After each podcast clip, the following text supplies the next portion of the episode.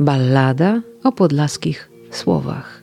Zwrotka dziewiąta, dziewiąta, dziewiąta, dziewiąta. Słowo, którego nie lubię. Kacap. Kacap.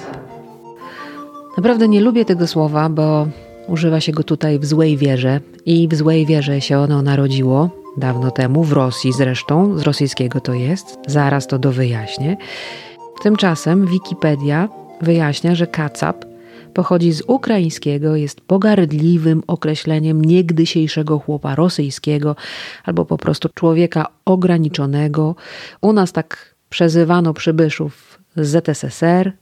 Kacapami także dla niektórych są Polacy wyznania prawosławnego i zawsze jest to określenie pejoratywne i zawsze w jakimś takim mm, nacjonalistycznym kontekście. Odmiana.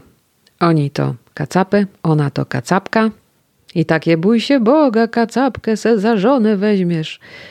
To nie jest zdanie sprzed stu lat, sama je słyszałam, a nie mam stu lat. Przynajmniej na razie. Mamy rok 2020, nie wiadomo kiedy będzie to odsłuchiwane. Może wtedy będę miała już 100 lat. Ze słowem kacap jest to tyle ciekawie, że widzisz kapcan oznacza kogoś nieporadnego, niedołęgę, niezdarę, niedorajdę, żebraka.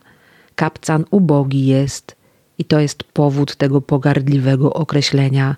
Kapcan, kacap. Mhm, blisko, prawda? No i tak jak przez stulecia blisko siebie żyli ludzie, którym niebacznie zmieszały się języki, jak w wieży Babel, nie przymierzając. I o tym, o tym jest ta ballada. A w tej balladzie jest oczywiście refren. Refren jest na deser, więc to jest ten moment, Refren powinien być śpiewany, ale to się teraz nie uda, zatem. Zatem będzie rytm.